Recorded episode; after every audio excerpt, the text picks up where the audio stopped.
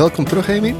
Hoi. Nou, het is fijn om weer terug te zijn, jullie weer te zien. Ja, Ik eh, hoop dat jullie hebben genoten van de afgelopen editie van Meester met Dromen op 21 februari. ja, Zeker. ja, dat is heel eh, tof. was heel tof. Ja. We gaan samen de slag slaan, toch? Ja, Ja. zeker.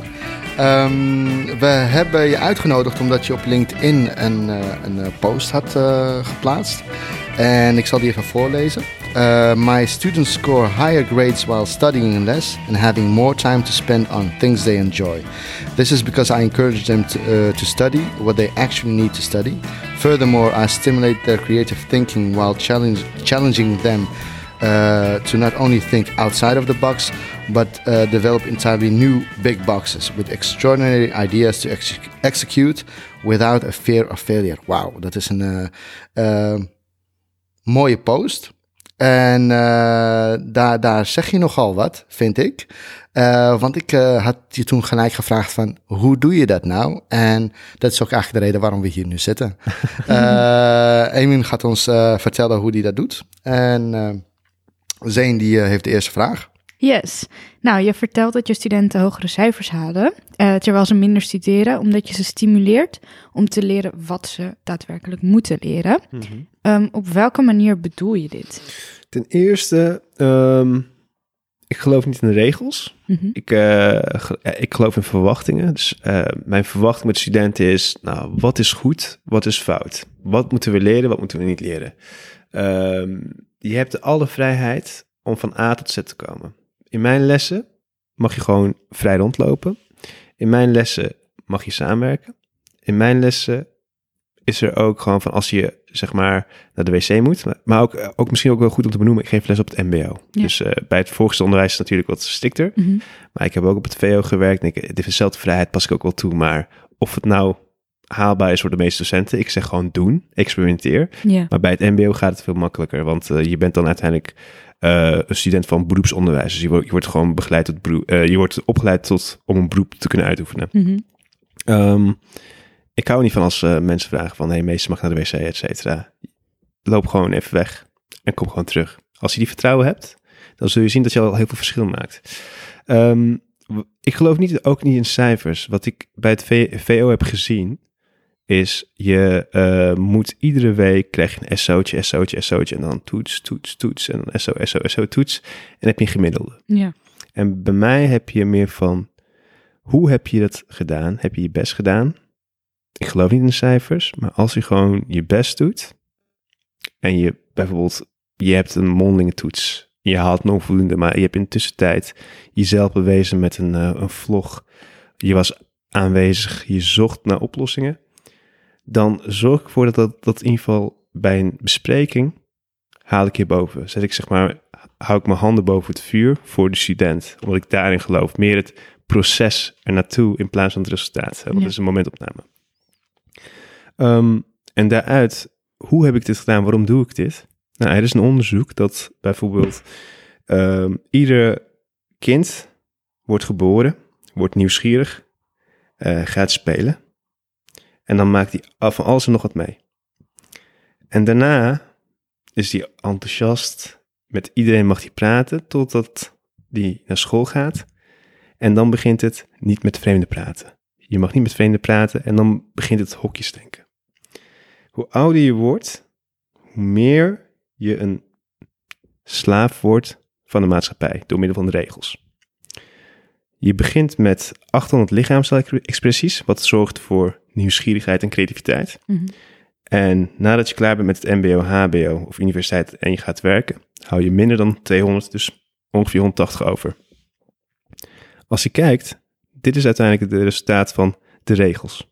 Continu naar school gaan, continu aan je regels houden, continu luisteren naar dat, dat er een autoriteit is. Maar je ziet gewoon dat het gewoon eigenlijk door dat, dat, dat motivatie, dat creativiteit, wordt gedood door een slecht onderwijs. Dat betekent niet dat slecht onderwijs slecht docenten hebben. Nee, in tegendeel, het systeem. Wat gebeurt er nou? Je ziet bij succesvolle bedrijven zoals een Google, Microsoft, met kleurrijke omgeving waar iedereen de vrijheid heeft te werken wat hij moet doen. Je krijgt een target. Dit is waar je moet eindigen en hoe je het doet mag je zelf doen. Nou, dat doe je. En op een speelse manier, een kleurrijke omgeving met glijbanen, et cetera. Mm.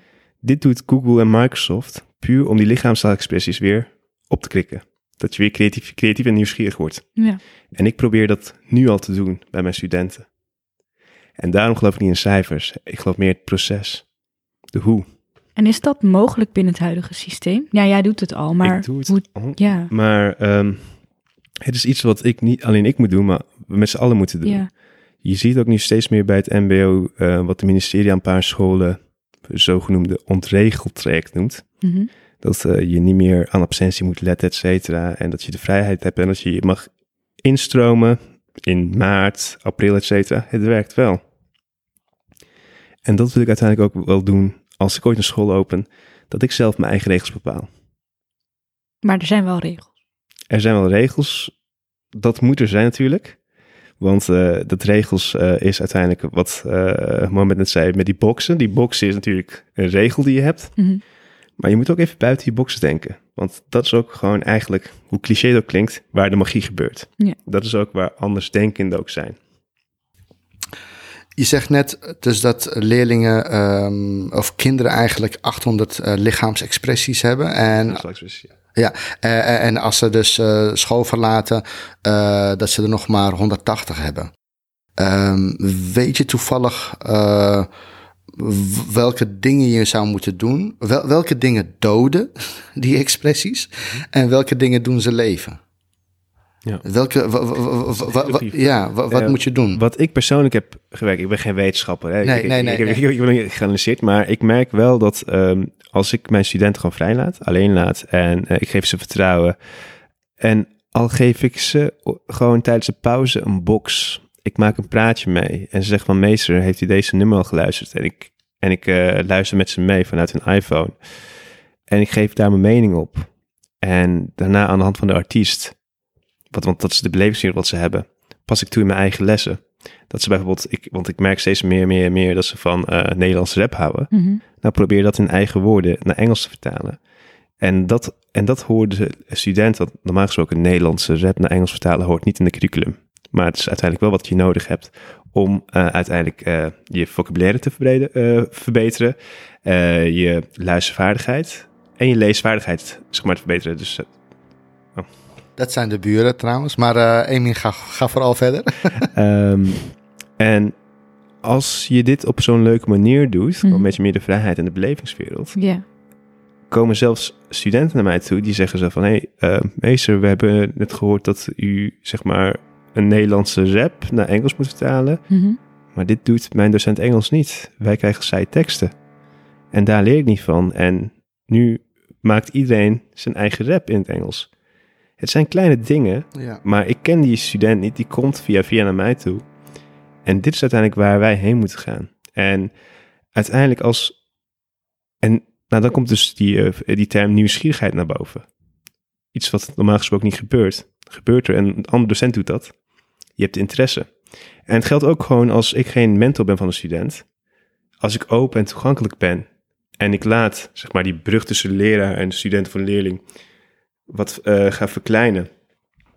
En ik zorg ervoor dat die persoon een compliment krijgt van... hey, gooi, wat heb je een mooie pet, waar heb je het gehaald, interesse. Nou, als je dat al zegt, dan heb je al meteen een band. ja. Want heel veel docenten doen dat niet. Want die denken van, nee, ik ben een docent. Zij hoort het leren en moet naar huis gaan.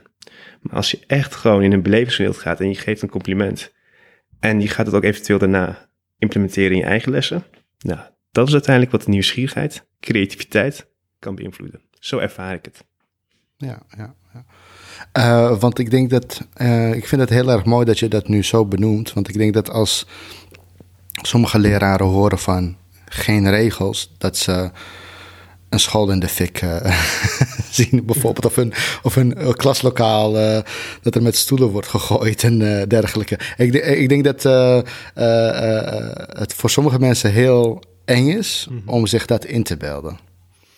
Ja, nou, dus ik vind, ja, ik kan je begrijpen. Dus ik vind het wel een extreem voorbeeld. Het is net, net als dat, dat wij bang zijn voor terrorisme, terwijl hier nog nooit een aanslag is gebeurd, maar dat iedereen aan het panieken is. Zo'n voorbeeld is het. Ik, ik denk persoonlijk, als wij onze studenten de ruimte en de vertrouwen geven, en dat we alle docenten ermee eens zijn van, we gaan het doen, we proberen het, want hoe je het went of keert, kijk maar even naar onze eh, Nederlandse jongeren met een migratieachtergrond. Die weten dat zij een streepje achter hebben. Die hebben een andere cultuur binnen hun eigen huis. En dan komen ze naar uh, het school. En dan proberen ze een beetje uh, te experimenteren van wat kan wel, wat kan niet. Een docent houdt daar, hoort daar rekening mee moet, moet houden. Iemand die bijvoorbeeld in een, um, in een Surinaamse, Marokkaanse of gezin komt waar uh, sommige dingen wat uh, niet besproken wordt, wel op school wordt besproken, mm. is meteen opeens een andere dimensie. Yeah. Een nieuwe belevenis, een nieuwe prikkels. En dat kan dus uh, averechts werken, of dat kan juist heel goed werken. Maar als docent hoor je daar rekening mee te houden als een Marokkaanse jongere een, bijvoorbeeld bij biologie een seksuele voorlichting gaat krijgen. En binnen het huis is een taboe. En dan op school horen ze termen zoals vagina, piemel, et cetera, en beginnen ze te lachen. En dan, wat gebeurt er dan? Lach ik, uh, niet serieus nemen. Een gemiddelde docent stuurt die persoon weg. Ja. Ja. Maar beeld even in, in die jongen van, nee, die, het is voor die persoon nieuw. Bespreek het even met hem. Hou er rekening mee. Maar niet alleen ik, maar dat de andere docenten hier ook rekening mee houden. Dan heb je dus die band. Ja. Inderdaad. Ja, de volgende vraag die ik heb is... Um, hoe bepaal je wat belangrijk is om te leren? En daar heb je deels al net antwoord op gegeven door uh, te zeggen van, oh ja, als ik een liedje hoor, dan ga ik dat implementeren en uh, op die manier ga ik dat. dus je probeert echt de interessegebieden van de leerlingen als brug te gebruiken om hun vaardigheden te verbeteren. dus dat heb je al deels beantwoord. de daarna komt, zijn de elementen die de kinderen moeten beheersen op een toets of vaardigheden uh, die belangrijk zijn in het verdere leven? Ja, kijk, um, bij het Engels heb je dus um, het ERK-model. Dat ja. als je klaar bent met de MBO, moet je dus um, A2, B1 of soms B2-niveau Engels beheersen. Net als uh, Nederlands doet dat je zeg maar 3F moet hebben. Ja. Dus dat betekent gewoon gemiddeld, gemiddelde taalbeheersing. Op uh, de volgende onderdelen, dat is dan uh, lezen, luisteren, spreken, gesprekken voeren en schrijven. Vijf onderdelen. En dat, daar moet je op niveau zijn. Nou, je kan of uit saaie boeken al die dingen uithalen. Of je kan aan de hand van die niveau die je hebt, je eigen lessen zelf gaan beslissen. Bijvoorbeeld voor um, spreekgesprekken voeren. Creëer een eigen utopia. Dat is een van mijn lessen die ik altijd bij de allereerste, uh, of, of, of je nou eerste of tweede of derdejaars bent. Zodra ik in die klas kom voor het eerst, is het eerste verplichte onderdeel die ik geef, is utopia. Utopia je eigen ideale eiland of een wereld creëren. En dat doe je dan in groepjes van vier tot zes. En iedereen denkt, nou, perfecte wereld, uh, het gaat me lukken. En dan komt het. Want uh, in een groepje waar vier, vijf mensen is, iedereen is anders denkende. Ja. Maar wat is dus jullie perfecte eiland? En dan, mag je, en dan, en dan zegt ze van, ja, wat moeten we doen? Nou, dat mag je zelf bepalen als maar iedereen minimaal twee minuten aan het woord is. Jullie hebben hier vier weken de tijd voor. Uh, ik wil bijvoorbeeld weten hoe het, uh, hoe het systeem daar werkt in jullie eiland. Uh, of man of vrouw de macht hebben bijvoorbeeld. technologie, ICT, geld. Wat gebeurt er nou? En de rest laat ik aan hun over. Zo stimuleer ik hun denkwijze. Zo zien ze dat ze moeten samenwerken en dat ze samen eens moeten zijn, wat niet makkelijk is. Zo gaan ze zich verdiepen in Engelse vocabulaire. Samenwerking komt. Ze moeten presenteren ze moeten naar elkaar luisteren. En ze moeten natuurlijk schrijven. En dit uiteindelijk zorgt ervoor, al bij het eerste periode, mm-hmm. dat uh, zij uh, het verschil kunnen maken hoe het echte wereld in elkaar steekt. Je moet uiteindelijk, als je, het, als je samen gaat werken, moet je uh, met elkaar eens zijn. Je hoeft niet met elkaar, trouwens, je hoeft niet met elkaar eens te zijn, maar je moet wel elkaar aan kunnen voelen. En dan kom je na mijn lessen in het echte werkveld. En hoe je het bent of verkeerd, na een diploma-uitreiking, als ik met een student spreek, zeggen ze van, hé, hey, die meester, die Utopia-opdracht, hè? Ik herken dat nu veel beter nu, nu ik uh, aan het werk ben, of nu ik stage aan het lopen ben. Ja. En dat is uiteindelijk wat ik doe om een creatieve proces te, te gaan verbeteren. Ik vind het wel mooi wat je zegt, want ik had me erbij voorgesteld, toen ik dit las, mm-hmm. had ik verwacht dat je uh, bedoelde dat je gewoon echt puur um, de lesstofboot die belangrijk was voor de toetsing. En dat je daardoor meer tijd overhield om andere dingen te doen. Maar ik vind juist mooi dat je het integreert met elkaar. Exact. Dat je ook al werkt aan vaardigheden die überhaupt belangrijk zijn voor het echte leven. Ja. Ja, Samenwerken, ja. eh compromissen sluiten, luisteren. luisteren. inderdaad. En dan niet luistervaardigheid als in van Engels, maar eh, gewoon luisteren naar elkaar. Ja, Ja, ja heel mooi. Ehm, het, het- trouwens, de ERK, het ERK-model, ik ben daar fan van. Want eh, je hebt daar die can-do statements. En daarna zeggen ze van, zoek het uit. En dat is dus best wel mooi. wat is Ja, dat? Europese referentiekader, waar, waar, wat, wat ik eigenlijk net zei, van eh, je hebt een einddoel Ja, en en, dan- hoe je het doet is aan jezelf, maar als het maar op niveau is. Oh. Maar dat zegt trouwens ook niet weg, voor- ook voor de luisteraars, dat ik niet in de laatste eh, jaar examens met ze oefen. Want ze moeten uiteindelijk toch wel Ja, eh, via de TOA eh, een toets schrijven en eh, lezen, luisteren doen. Spreken en gesprekken voeren doen ze met mij. Maar daar hoeven ze ook geen zorgen te maken. Maar we gaan natuurlijk wel oefenen. Maar tot die tijd, in de eerste, tweede en derde jaar, doe ik het op zo'n speelse manier, interactieve manier. Ja, En dat maakt echt verschil. Ja, geloof ik graag. ja. Eh, nou, je stimuleert dus, zoals je net al zei, het creatieve denken van de leerlingen. Door ze outside of the box te laten denken. eh, maar ook nieuwe boxen te creëren. Eh, kan je een concreet voorbeeld noemen waarbij ze outside of the box denken? Dat heb je net al gedaan eigenlijk. Mhm. Maar Nou, ik, ik ga me denk ik nu even een beetje focussen op het creëren van nieuwe boxen. ja, Ehm, nou, Mohamed heeft de TED-talk gekeken en na mij kwam een jonge Gershon Bonavacia. Is een, eh, een heel erg uh, supermooie mens, die eh, Surinaamse dichter. mhm. Ehm, hij wou een dichter worden, al van sinds jongs af aan. Maar hij kwam erachter dat hij dyslexie had. En hij dacht, is het tijdelijk? Oh my god, ben ik ziek? Kan ik beter worden? Hij dacht dat dys- dyslexie een ziekte was die even een tijdelijk, van tijdelijke aard was. Maar schrijven was een passie. Uiteindelijk nu is hij een van de beste dichters van Nederland. Een rolmodel. En hij heeft dus uiteindelijk het, het, het, het tunnelvisie van de box die hij heeft van ik ben dyslectisch, ik kan geen schrijver worden, dacht hij van ik ga hem best doen, want zijn moeder, zijn moeder was een rolmodel en die zei, zoon, ga ervoor. Je kan het wel. En zodoende heeft hij die box ver- verbreed, vergroot, van wat als het nou wel gaat lukken. ja, Heeft hij gedaan en heeft hij zijn eigen boek eh, gebracht. En nu heeft hij poetry classes. Gaat hij alle eh, studenten of geïnteresseerden die in poëzie zijn, geeft hij masterclasses, workshops. Terwijl hij zelf dyslectisch is. Hij heeft zijn box verbreed. Net als als wij zeggen van ehm, eh, dat eh, taxis, alle taxis hebben een gele kleur. Standaard box. Maar als je dan even naar Turkije gaat, of nu vooral niet tegenwoordig, dat taxis ook zwart zijn of een Uber zijn Ja. dan, dan, dan landt het even. En het landingsproces, want je hebt een kleine box, denk je van oké, er kunnen meer taxis zijn. Mm. En dat probeer ik ook aan mijn studenten te leren van denk, zeg maar, breder dan het werkelijkheid is. Vroeger dachten ze dan natuurlijk dat aarde gewoon helemaal flat was. Was het Nederlands woord daarvoor? eh, Flat? Plat. plat, plat, ja. Ja, ja, ja. Ze dachten gewoon dat de, de, de boten gewoon op een gegeven moment gingen vallen. ja, wat is er gebeurd? De aarde bleek niet plat te zijn, de aarde bleek rond te zijn.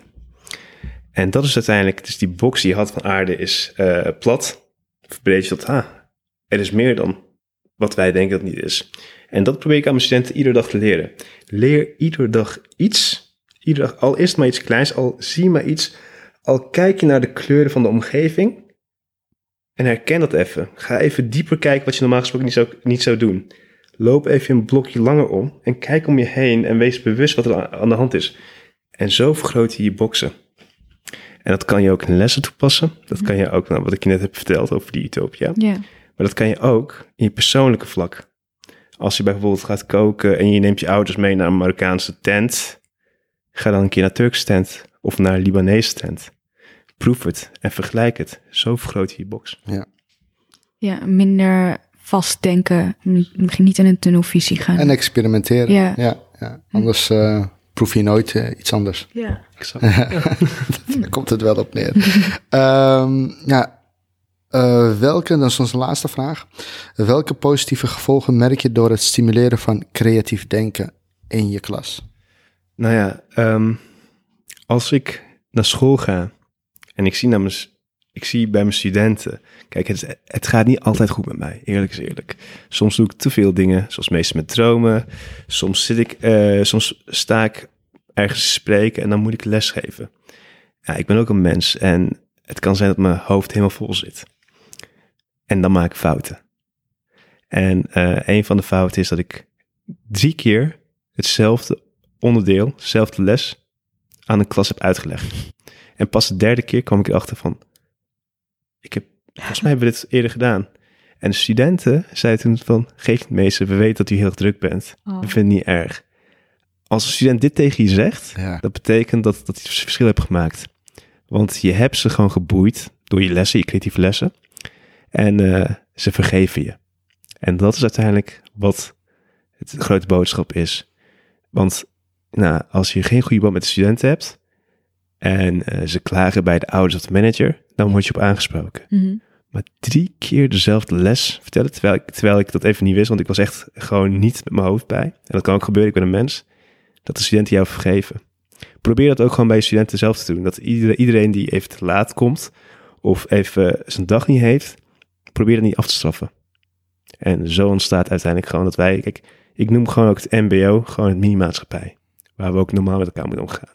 Als ik een droom heb die ik in de echte leven wil doen, moet dat gewoon ook in de minimaatschappij, binnen het MBO, binnen school gaan gebeuren. Ja, En dat is waar ik voor ga.